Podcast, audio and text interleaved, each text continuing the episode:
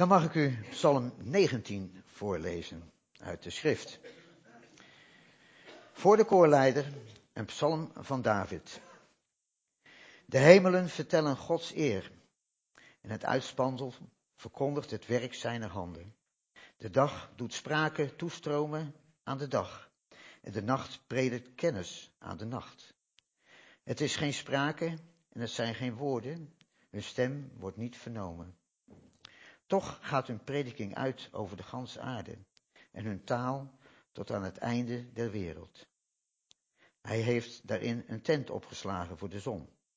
Die is als een bruidegom die uit zijn bruidsvertrek treedt, jubelend als een held om het pad te lopen. Van de ene einde des hemels is haar omgang en haar omloop tot het andere einde.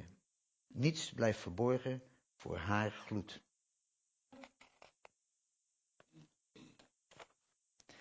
De wet des Heren is volmaakt. Zij verkwikt de ziel. De getuigenis des Heren is betrouwbaar. Ze schenkt wijsheid aan de onverstandigen. De bevelen des Heren zijn waarachtig. Zij verheugen het hart. Het gebod des Heren is louter. Het verlicht de ogen. De vrezen des Heren is rein, voor immer bestendig. De verordeningen des Heren zijn waarheid, al te gader rechtvaardig. Kostelijker zijn zij dan goud, ja, dan veel fijn goud, en zoeter dan honing, ja, dan honingzeem uit de raad. Ook laat uw knecht zich daardoor ernstig vermanen. In het houden ervan ligt rijke beloning. Afdwalingen, wie bemerkt ze? Spreek van het verborgene mij vrij. Behoed ook uw knecht voor overmoed. Laat die over mij niet heersen. Dan ben ik onberispelijk en vrij van grove overtreding. Mogen de woorden van mijn mond en de overleggingen van mijn hart u welgevallig zijn. O Heere, mijn rots en mijn verlosser. Goed, als we met elkaar hier zijn, dan mag ik u eh, vanaf deze plaats, een, uh, voor zover ik u dat nog niet gedaan heb en de hand geschud, een goed en gezegend 2020, 2020 moet je geloof ik zeggen tegenwoordig, toewensen. En ja, dat is weer een jaar dichter, dichterbij wat wij verwachten, hè, die geweldige verwachting. En we hebben ook dit jaar, zoals daarnet al door de liturg Evert gememoreerd, een nieuw jaarthema. En dat willen we vanmorgen met elkaar bekijken. En dat jaarthema dat staat in Psalm 19, maar ik ga nog even niet zeggen wat het is. Houd u nog even in spanning.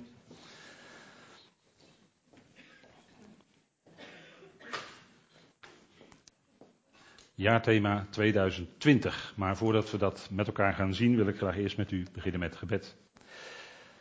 Vader, om u te danken dat u ons ook een nieuw jaar geeft, een nieuw jaarthema geeft. Om u te danken voor het vele goede wat u in en met elkaar geeft. Dat we als gemeente geroepenen zijn. Vader, de gemeente wordt wereldwijd geroepen door u. Dank u wel dat dat niet aan plaats of tijd gebonden is. Ook niet aan een bepaalde locatie. Maar u roept, Vader, al diegenen die u al tevoren heeft gekend en bestemd. Dank u wel, Vader, dat dat iets bijzonders is dat we dat zo mogen kennen. Dank u voor de plek waar, die u ons geeft, hier in Nederland, in deze gemeente. We danken u dat we nieuwjaarthema mogen hebben, Vader, en daar dit jaar met elkaar over nadenken.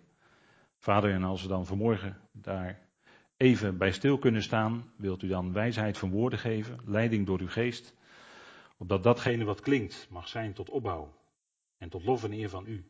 Vader, we danken u voor ieder die hier is en Vader, we danken u dat u nabij bent, ook op plaatsen waar het moeilijk is, waar verdriet is. Vader, wilt u troosten en bemoedigen. We danken u dat we zo dit moment van u mogen ontvangen. Wilt u daarin leiden? In de machtige naam van uw geliefde zoon. Amen. Het jaarthema, en dat is uit Psalm 19. En dat is dit, vers 15, het laatste vers. Mogen de woorden van mijn mond en de overleggingen van mijn hart u welgevallig zijn, o Heer, mijn rots en mijn verlosser. En deze mooie illustratie is andermaal weer gemaakt door Art de Boer. Waarvoor dank. En Het is altijd bijzonder als je met Art uh, afspreekt, dan stuur ik hem een mailtje. Dit is het jaarthema. Kun je er iets moois van maken? Dan uh, zonder mankeren maakt hij er weer een prachtig thema van. En dat is altijd heel fijn dat het zo werkt. Dit is ons jaarthema, vers 15. De mond en het hart, dat is waar het om gaat. Hè? De mond en het hart. En dat psalm 19, dat staat natuurlijk in een verband in de psalmen. En ik wil u daar even heel kort iets over zeggen, als uh, beetje inleiding, zeg maar. De psalmen bestaan uit vijf boekrollen. En dat is, uh, deze psalm komt dus uit de eerste, het begin, psalm 1 tot 41. U ziet het rijtje hier staan. En dat komt overeen met de Torah, met de vijf boeken van Mozes, zoals die altijd genoemd worden. Genesis komt overeen met dit deel en we zien ook in, in deze psalm ook aspecten terug van wat in Genesis vermeld wordt. En u ziet daar het begin, de namen, de roeping, de wildernis, de woorden. Dat is eigenlijk de Hebreeuwse manier, de titels die deze boekrollen in Tenach hebben. En daartussen haakjes de Griekse uit de Septuagint, die voor ons heel bekend zijn omdat ze zo in onze Bijbel staan. Maar het begin, Psalm 1 tot 41, komt dus overeen met het begin Genesis. En Psalm 19 is ook een kernpsalm uit deze 41 eerste psalmen. Psalm 19 begint in het Hebreeuws met Mitzmorele David en dat betekent zoiets als lied van de geliefde. David heeft deze psalm gedicht, heeft deze psalm genoteerd onder leiding van Heilige Geest, de kracht van God. En je kunt zeggen dat is het lied van de geliefde. David betekent geliefde of geliefd. En David was in zijn leven een, geweldig, een geweldige heenwijzing, een afschaduwing zou je kunnen zeggen, een heenwijzing naar onze Heer.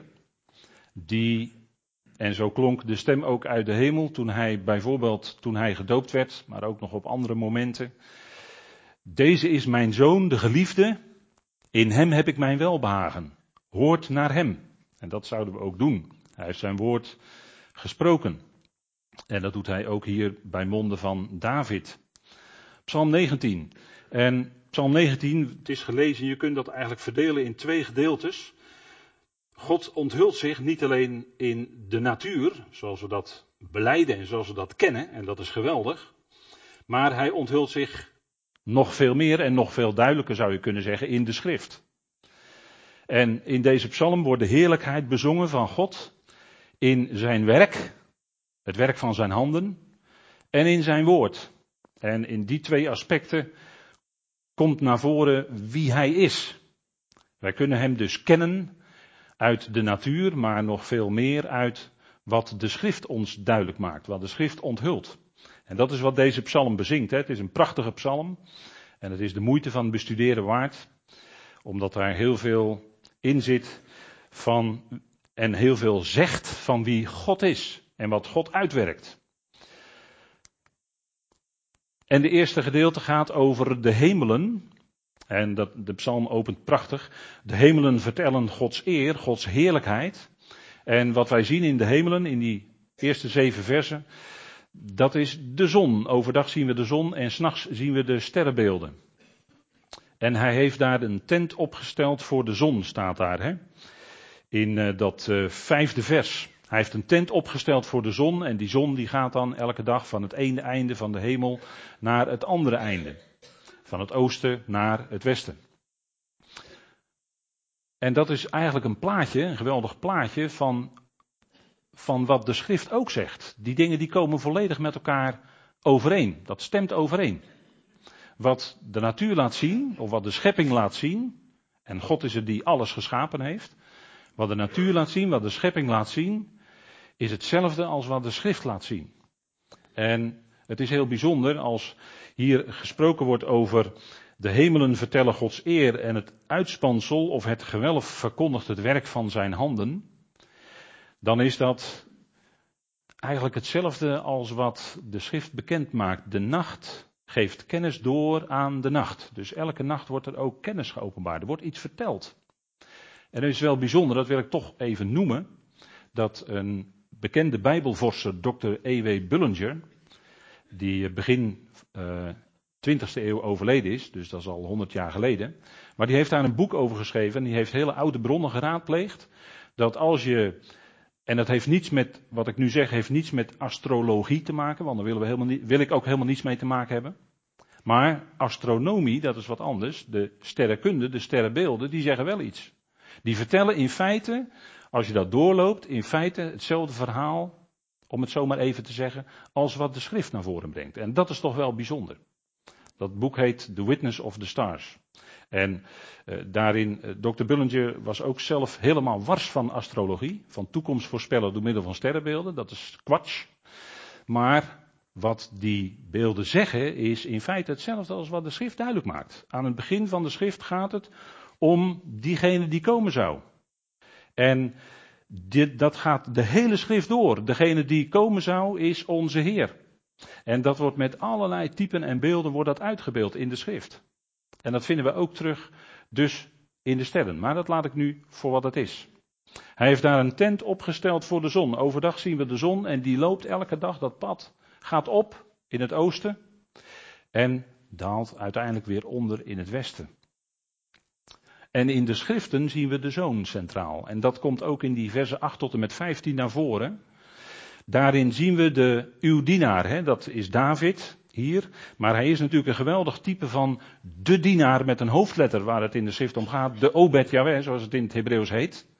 De dienaar is de Heer Jezus Christus, die komen zou. David was koning, maar was geen perfecte koning. Maar hij sprak wel, zijn leven sprak daarom van degene die later zou komen en die wel de perfecte koning van de koningen is. Dat is onze Heer. Uw dienaar met een hoofdletter. De schriften stellen de zoon centraal. Dus wat in de schrift naar voren komt, is hij. En dan gaat het leven. Zonder hem, hè, zonder dat het over hem zou gaan, is die schrift niet levend, maar het komt tot leven omdat het spreekt van hem die komen zou en die alles voor deze hele schepping heeft overgehad. De hemelen, zegt vers 2, vertellen de heerlijkheid van al. Dat is God. En dat woord God is een beetje moeilijk, want daar zitten verschillende begrippen onder in de grondtekst. En als het gaat om al, dat is die tweeletterige titel, dat betekent eigenlijk onderschikker. Al is heel mooi in het Hebreeuws dat de, de, eerste, eh, de eerste letter die spreekt eigenlijk van God zelf. En de tweede letter spreekt van degene die richting geeft. Het spreekt van uh, de herderstaf, spreekt van richting geven. En zo is God bezig in deze schepping alles zijn met een hoofdletter richting te geven. En niet alleen in, in de natuur, die loop van de sterren. En uh, ik meen dat de zon er, um, ik dacht 26.000 jaar over doet om de hele, uh, de hele dierenriem te doorlopen. Al die beelden te, te doorlopen. 26.000 jaar maar liefst. Dat niet alleen, God heeft niet alleen al die sterren en de zon de baan aangewezen, hè, zoals in Genesis 1 ook staat, maar dat uitspansel zelf verkondigt ook het werk van zijn handen. Dus het gaat hier om twee dingen, de hemelen, en in Genesis 1 lezen we dat God noemde het uitspansel of het gewelf hemelen. Dat is altijd meervoud als je nacht op, opslaat. Hemel is nooit enkelvoud, altijd meervoud. Dat zijn die luchtlagen boven de aarde. En dat verkondigt het werk van zijn handen. Het laat zien dat er een geweldige schepper is die alles gemaakt heeft. Dat is de bron. En dat is ook de bron van ons bestaan. Als je zegt waar kom je vandaan? Uiteindelijk, als je het helemaal terugvoert naar de bron, God. Kom bij God vandaan. En dat houdt tegelijkertijd in, God heeft alles in beweging gezet, zodat ook alles uiteindelijk weer naar hem zal terugkeren. En via vaak een hele moeilijke weg. Maar God is degene die alles aan zich onderschikt. En hij zet daarvoor zijn zoon in. Hij zet daarvoor Israël in. Hij zet daarvoor de gemeente in. Hij is de grote onderschikker. Dat is zijn heerlijkheid. Dat hij alles tot een voleinding zal brengen. Tot een goed einde zal brengen. En als je de natuur gaat bestuderen, dan is dat ook geweldig wat je daar allemaal terugvindt, tot in de details. Allemaal die structuren. Eh, ga maar eens een boomblad bestuderen bijvoorbeeld, of een uh, sneeuwvlok, of uh, dan vind je die geweldige structuren, dat is het stempel van de schepper, vind je terug. Dat is de heerlijkheid van God, dat hij dat alles zo heeft gemaakt. En dat die hele schepping, dat die hele schepping niet uit elkaar knalt of in elkaar klapt. Dat komt omdat God die schepping in stand houdt. Omdat zijn geest alles vasthoudt. En daarom hoeven we nooit ongerust te zijn over de toekomst, want de toekomst is immers in zijn hand. De hemelen vertellen de heerlijkheid. En dat woord heerlijkheid, dat is in het Hebreeuws eigenlijk iets dat zwaar is. En ik gebruik in studies vaak het voorbeeld, dat weet, weet u misschien wel, gebruik vaak het voorbeeld van een boom met vruchten, bijvoorbeeld een appelboom. Als die appelboom vol met appels hangt en dan gaan die takken zwaar, die worden, dat wordt zwaar, dan gaan die takken naar beneden hangen, dan is dat de heerlijkheid van die boom. Die vrucht die het oplevert. En Gods heerlijkheid wordt bekend in zijn werken, in de schepping die hij gemaakt heeft. En natuurlijk, de mens is daarin en die verstoort soms hier en daar de orde. En daardoor gaan, kunnen er dingen misgaan. Overstromingen en dat soort zaken. Maar uiteindelijk is het allemaal volledig in zijn hand. En voor de toekomst, ik maak me daar niet zoveel zorgen eigenlijk over deze aarde of de toekomst ervan. Want we weten uit de schriften dat deze aarde nog minstens duizend jaar meegaat. En daar zal God zelf voor zorgen. Het werk van zijn handen wordt verkondigd door het uitspansel. Dat wat je omhoog kijkend ziet, is het werk van zijn handen. En dat is het besef, hè? En die zon, wat doet die zon? Die geeft licht. Die geeft warmte, die geeft leven. En daarin zegt die zon iets over de Heer, die datzelfde in ons leven geeft. Als je, als je een gelovige bent, dan ga je dat steeds meer beseffen. Hij is degene die mijn leven verlicht. Die warmte geeft van zijn liefde. Die mij leven geeft. Veranderd leven. Een nieuw leven geeft. Dat is de kracht waarmee God in ons leven werkt. Dat licht van de zon is ook onthullend, hè? het is licht. En, en uh, Paulus zegt in Efeze 5, al wat openbaar maakt is licht. En ik gebruik wel eens het voorbeeld van uh, een glazen pui, die hebben wij aan de achterkant. En als dan daar de zon op schijnt, dan zeg je tegen elkaar van nou, die pui die moet toch weer eens even een wasbeurt hebben, want uh, er valt ineens van alles op. Wat er eigenlijk niet hoort. En dat kan ook zo zijn in ons leven. En dat heeft ook met ons jaarthema te maken. Het gaat over ons hart. En over wat onze mond uitgaat. En als dat licht van God op je leven valt of in je hart valt, kan het best zijn dat je ineens iets gaat zien van hé, hey, wacht even. Er is iets in mijn leven wat niet klopt. En dan is dat, dat onthullende licht van God daar, maar tegelijkertijd ook zijn warmte, zijn liefde. Zodat je dat in zijn liefde en met zijn kracht uit je leven kan wegdoen. De hemelen, de zon.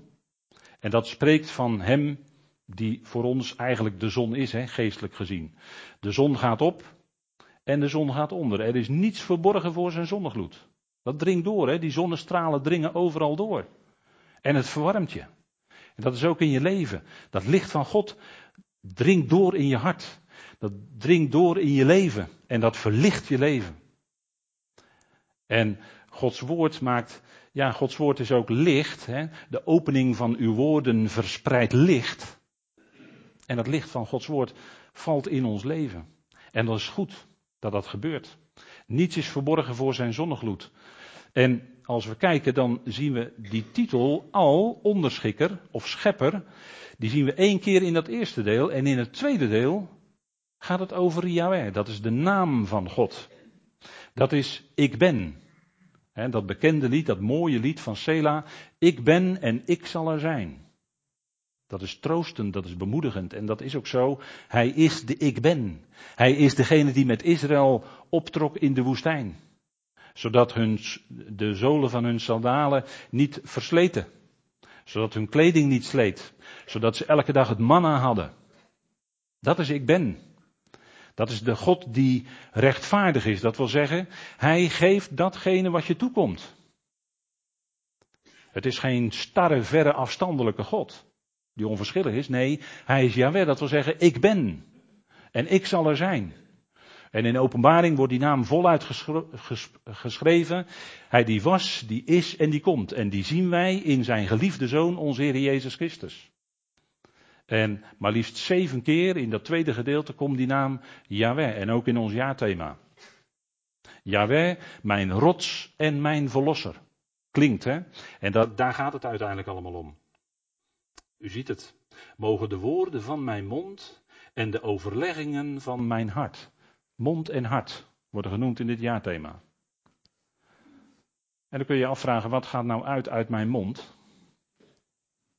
Want uh, misschien worden elke, ik denk dat er elke dag, we leven met, uh, hoeveel is het, uh, hoeveel staat de teller? Meer dan 8 miljard mensen hier op deze aarde. Moet u eens nagaan wat, hoeveel woorden er dan elke dag gesproken worden in allerlei talen. Dat zijn miljarden woorden. En mensen kunnen soms heel veel praten, maar niet zeggen.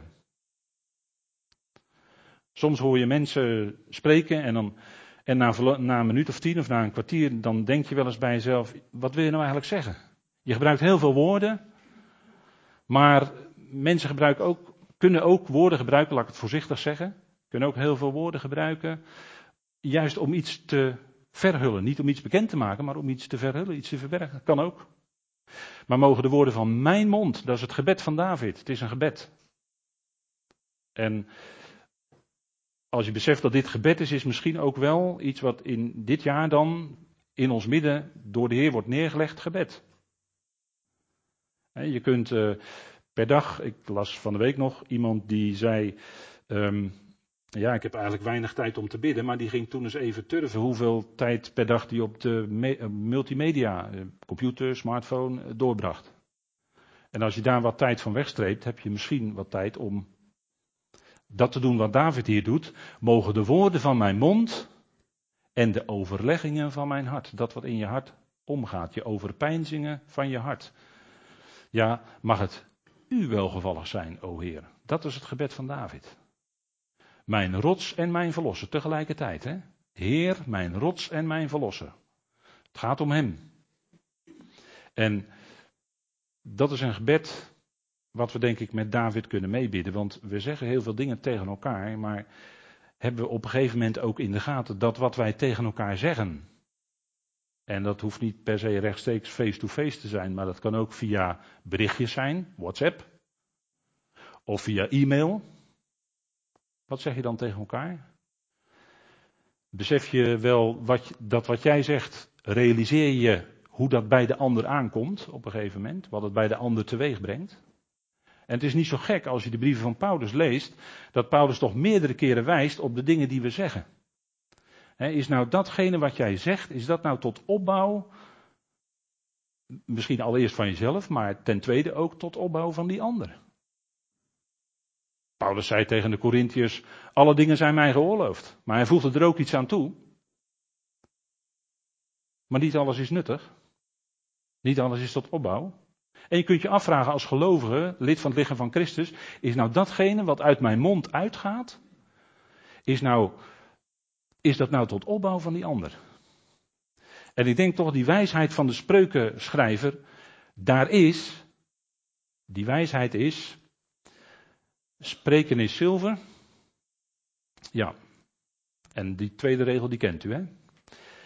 En ik denk dat dat toch vaak, misschien wel, eh, vaak wel goed is. De woorden die uit je mond uitgaan. En misschien is het. Iemand uh, zei via via over een broeder die ergens anders op de wereld leeft, een bekende broeder.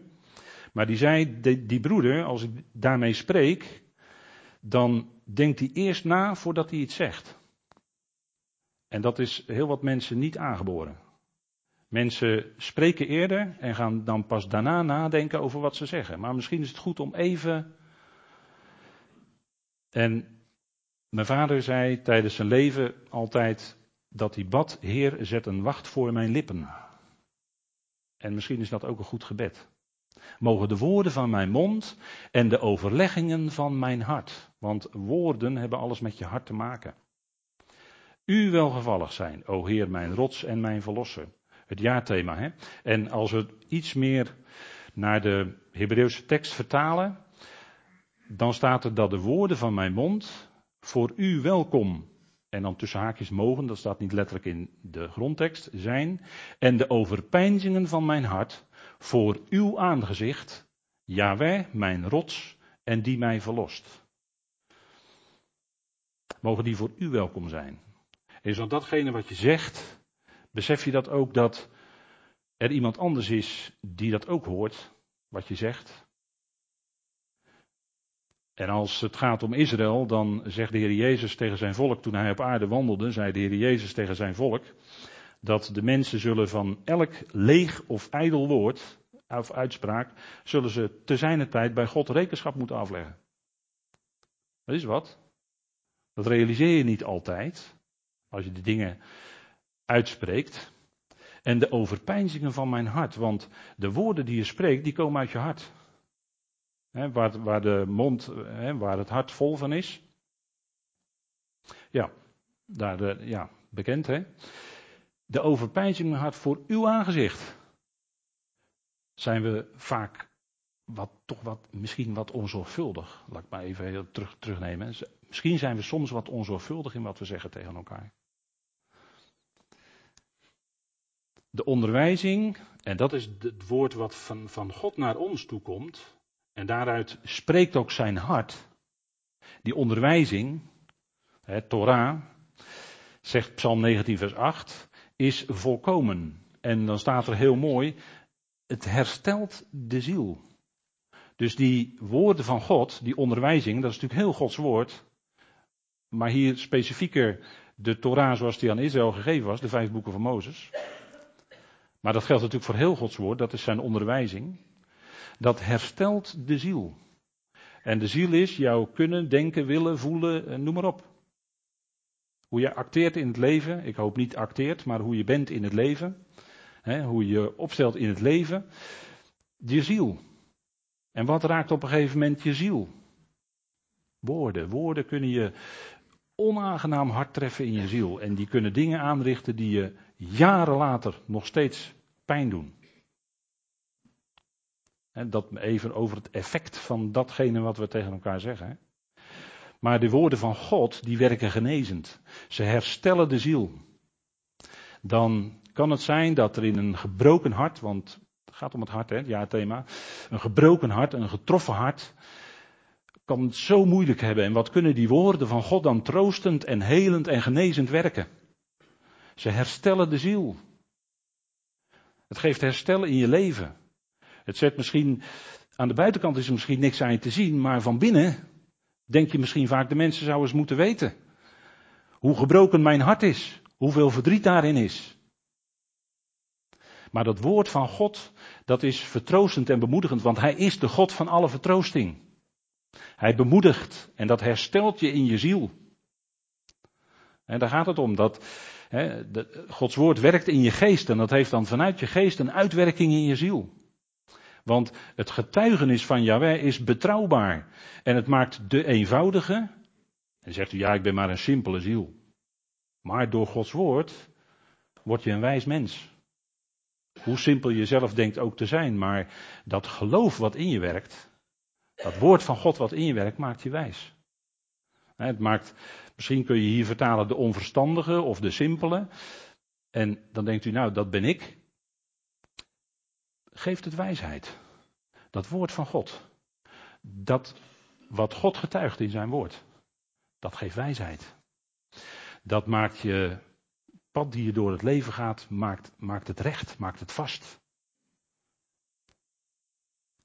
En het leven, ja, als je net op weg bent, dan is alles geweldig en mooi en wil je alles, wil je de hele wereld bestormen, bij wijze van spreken, denk je dat je de hele wereld aan kunt. En gaandeweg gebeuren er allerlei dingen Waardoor je, ja, je krijgt dus een duw, figuurlijk gesproken, je krijgt dus een stoot, je raakt gebutst, je raakt gekwetst. En door dat alles heen, als je ook mensen tegenkomt, als mensen niet betrouwbaar blijken te zijn, helaas, helaas kan dat gebeuren. Maar ons vertrouwen zou zijn op Hem. Want het getuigenis van God is betrouwbaar, dat is vast. Dat woord dat verandert niet. Dat blijft. En hij geeft wijsheid aan de eenvoudige. De aanwijzingen, daar gaat het verder. Hè? Het is een lofzang op Gods woord en dat is terecht, volkomen terecht. En dat wist David, dat kende David uit zijn eigen leven. De aanwijzingen van Jahweh zijn oprecht. Zij verblijden het hart. Kijk, waar het om gaat is dat wat God aanwijst. Dat wat God aanwijst. Dat maakt je pad recht. Dat zet je in de juiste verhoudingen tot God en tot die anderen. En ze verblijden het hart. Dat wat je echt blijvende vreugde van binnen geeft, dat is wat God zegt. Dat is wat God bekend maakt. En daardoorheen ga je ontdekken wie Hij is. En dan denk je, ja, ik heb, ik heb al zoveel dingen verspeeld en ik heb het helemaal verspeeld bij God. Oh, wacht even, wacht even. Je hebt het nooit verspeeld bij God, nooit. Altijd kun je bij Hem terugkeren. Dat zit ook in dat woord wat met de ziel te maken heeft, wat, wat we net even uh, zagen. Het, uh, het herstelt de ziel. Dat herstel is vanuit God altijd mogelijk. Het is nooit te laat. En David was geen lievertje. David had bloed aan zijn handen. David en Bathseba, u weet het wel. Dat soort zaken. En David wist dat hij kon terugkeren bij Yahweh. En de profeet moest wel bij hem komen, David, jij bent die man. Ja. Maar David had ervaren, die woorden van God, die verblijden mijn hart. En die zette David, dat gaf herstel ook in het leven van David. Dat had wel gevolgen hoor, in zijn familie. Ga, ga maar later kijken in de familie van David, wat voor gevolgen dat allemaal had. Maar, en daarom is dat bewarende van dat woord zo nodig dat we dat weten. Want je kunt enorme misses maken in je leven. En natuurlijk is er altijd terugkeer bij God mogelijk, maar het kan wel gevolgen hebben in je leven. Het kan wel de consequenties moeten oogsten. En dan zegt David, de instructies, de mitzvot, de, de geboden van Yahweh zijn zuiver, zij verlichten de ogen. Ze geven je licht in je ogen. Je ziet, je gaat steeds scherper en steeds beter zien hoe dingen zitten. Het verlicht je ogen. En, en bijna hoor je hier Paulus hè, over dat, dat geweldige woord wat hij bekend mocht maken. Door zijn geest krijg je verlichte ogen van het hart. Worden de ogen van je hart verlicht. En ga je zien hoe het zit. En dat is het geweldige, hè? als je de instructies van God volgt in je leven, dan geeft dat stabiliteit. En als gelovige is er natuurlijk altijd die tegenstelling tussen vlees en geest. Kies je voor de weg van het vlees, dan zegt Paulus toch in gelaten 5 of 6. Uit het vlees zul je verderf oogsten. Nu in je leven, ga je de weg van het vlees, dan oogst je verderf. En ga je de weg van de geest, dan zul je uit de geest dat ionische leven nu al in je dagelijks leven ervaren. Leven. En volg je de weg van het vlees, dat is vaak de dood in de pot. Gebroken relatie met God, dat is vreselijk. Maar volg je de weg van de geest, dan geeft dat nu al het besef en, en, en het bewustzijn en het ervaren van dat eonische leven, wat je nu al hebt ontvangen, wat in je werkt. Dat is wat Paulus zegt hè, voor onze praktijk. Het hart. Het hart. De poorten tot je hart zijn toch je oren en je ogen, wat, datgene wat naar binnen komt. Dat werkt in je hart en dat, dat, dat levert later in je leven wat op. Als dat woord van God dan door je, door je ogen en je oren naar binnen komen, ja, dat, is, uh, dat levert gezondheid van hart op. Daar hoef je niet naar de cardioloog. Of moet ik zeggen, de cardioloog met een hoofdletter. Daar kun je altijd terecht. Dat is goed voor je hart. En dat is wat de invloed van de onderwijzing van Yahweh op David. Eh, David zegt ervan, uw dienaar is daarin gewaarschuwd. In het houden daarvan ligt een groot gevolg. En dat bedoelt hij positief natuurlijk. In het houden daarvan ligt een groot gevolg. En wie kan.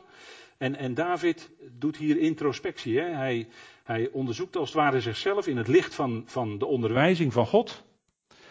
Wie kan, bewust, wie kan onbewuste fouten onderscheiden? Want het kan ook nog zijn, David is daarmee bezig in zijn relatie met Yahweh. Ja, er kunnen ook dingen zijn waarvan ik me niet bewust ben. Maar wat toch niet helemaal oké is. En daar was ook in de wet zelfs in voorzien. Daar konden offers gebracht worden voor onbewuste zonden. Kunt u nalezen in Leviticus, hè? Daar, daar refereert David hier in feite aan.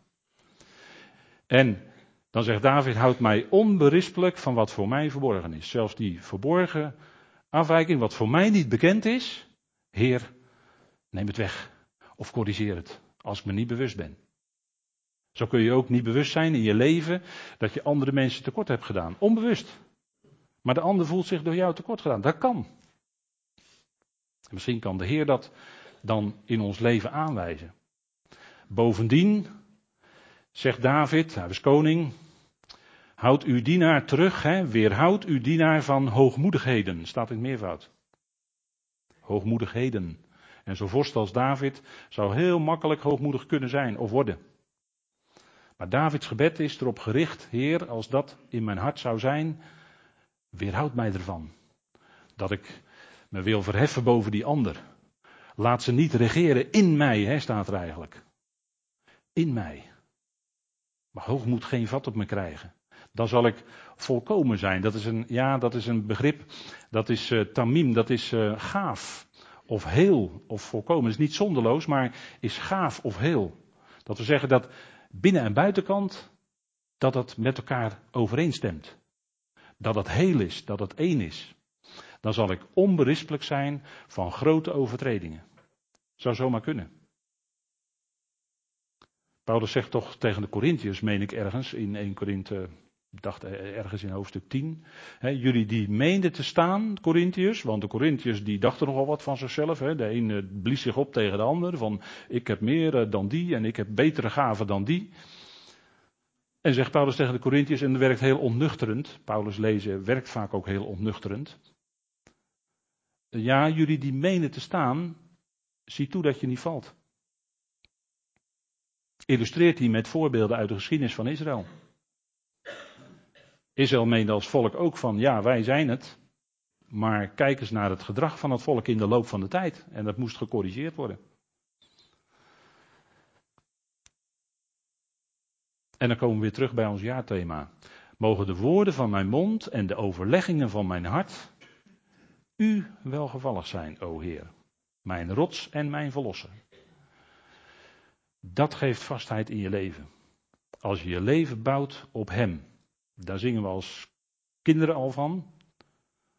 Bouw je huis niet op het zand, maar bouw je huis op de rots. Dan blijft het staan. En dat blijft natuurlijk een geweldige waarheid, want ja, dat is voor ons allemaal iets wat van belang is. Hè? Hij is de rots, de vastheid onder ons bestaan. Als je dat niet zou hebben, dan zou je alle kanten op wankelen en uiteindelijk misschien wel vallen. En mijn verlosser. Mijn rots, mijn vastheid en mijn verlosser. Hij is degene die redt. En soms kun je, zonder dat je het wilde, zomaar op een dag in een hachelijke situatie komen en heel wonderlijk daaruit gered worden. Daar kun, daar kun je misschien wel voorbeelden van noemen.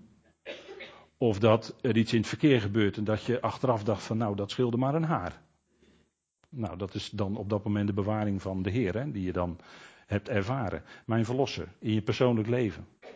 Je verlosser van datgene wat misschien een stukje hoogmoed in je hart kan zomaar erin kruipen, hadden we het net over. David, die bidt dat, heel eerlijk. Hoogmoed in je hart. Je verheft boven de ander of verheven meer voelt dan de ander. Om welke reden dan ook. Maar mogen de overpeinzingen van mijn hart. En uh, dat is ook wat, wat op een gegeven moment in de Filippenzenbrief naar voren kwam. Dat uh, wat we bedenken, laten we bedenken al wat waar is, wat waardig is, wat rechtvaardig is. En toen las ik bij een uitlegger, en dat trof me enorm, laten we die dingen bedenken ten opzichte van onze medegelovigen. Laten we in rekening nemen, want dat woord gebruikt Paulus eigenlijk, laten we dat, als we dat bij die medegelovigen zien, wat waar is, wat waardig is, wat rechtvaardig is, wat goed is, wat deugd heet en lof verdient, reken daarmee en kijk zo naar elkaar. Dat is dan zeg je, ja, dat is een hele positieve, ja zeker, dat is een hele positieve manier van kijken. Maar ik denk dat we zo naar elkaar kunnen kijken. En als dan die overpeinzingen in ons hart zijn ten opzichte van die ander. Ja, maar die is sowieso en die is sowieso en laat maar. Nee, het zijn onze medegelovigen met wie we omgaan, met wie we te maken hebben. laten die overleggingen ook ten opzichte van hen u welgevallig zijn. Het gaat om het hart, hè? Wat zit er op een gegeven moment in je hart? En het punt is dat dat, dat, dat het woord van God heeft een enorme reinigende werking. Ik herinner me dat, dat is lang geleden. Toen zat ik op de Bijbelschool. En toen was daar een uh, medestudent. En die uh, zei, en dat was het begin van een nieuw jaar. En er was een medestudent bijgekomen. En die kwam uit een heel moeilijk leven. En die zei na een week of drie, vier. Weet je wat bij mij van binnen gebeurd is? Mijn gedachten zijn totaal veranderd. Mijn hart is helemaal gereinigd van al die verkeerde gedachten, van al die verkeerde zaken. En het is van binnen helemaal geweldig licht geworden. Dat was de werking van het woord. Dat is de reinigende werking van het woord van God. Dat is niet voor niks dat we, dat we steeds adviseren om dat naar binnen te laten komen. Want geloof is datgene wat het hart reinigt.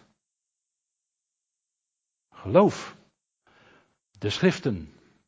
En je krijgt zicht op wie God is. En dat zuivert je uit van binnen. Dat is de, de zuiverende, reinigende werking van het woord. Hart en mond, hè? En we kennen ze wel. Uit de overvloed van het hart spreekt de mond. Was gisteren in de dagtekst, hè, als u die ontvangt. Als u die nog niet ontvangt, zou ik zeggen, geef u op via e-mail op ebenezer.nl en u ontvangt ook de dagtekst. Daar ging het gisteren over.